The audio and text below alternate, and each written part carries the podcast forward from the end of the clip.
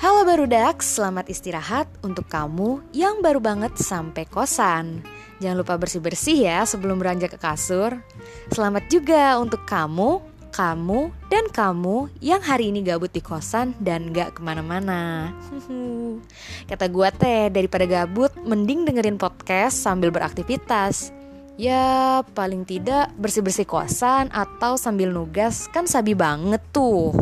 Nah, di sini dengan gue Miawe yang bakal share cerita keseharian anak kosan tuh gimana sih? Dan mungkin juga nantinya gue akan ngajak di antara kalian untuk join bikin podcast bareng. Ya, kenapa anak kosan? Makanya yuk simak terus podcast anak kosan by Miawe Project. Jangan lupa di follow dan share ya, biar makin oke. Okay.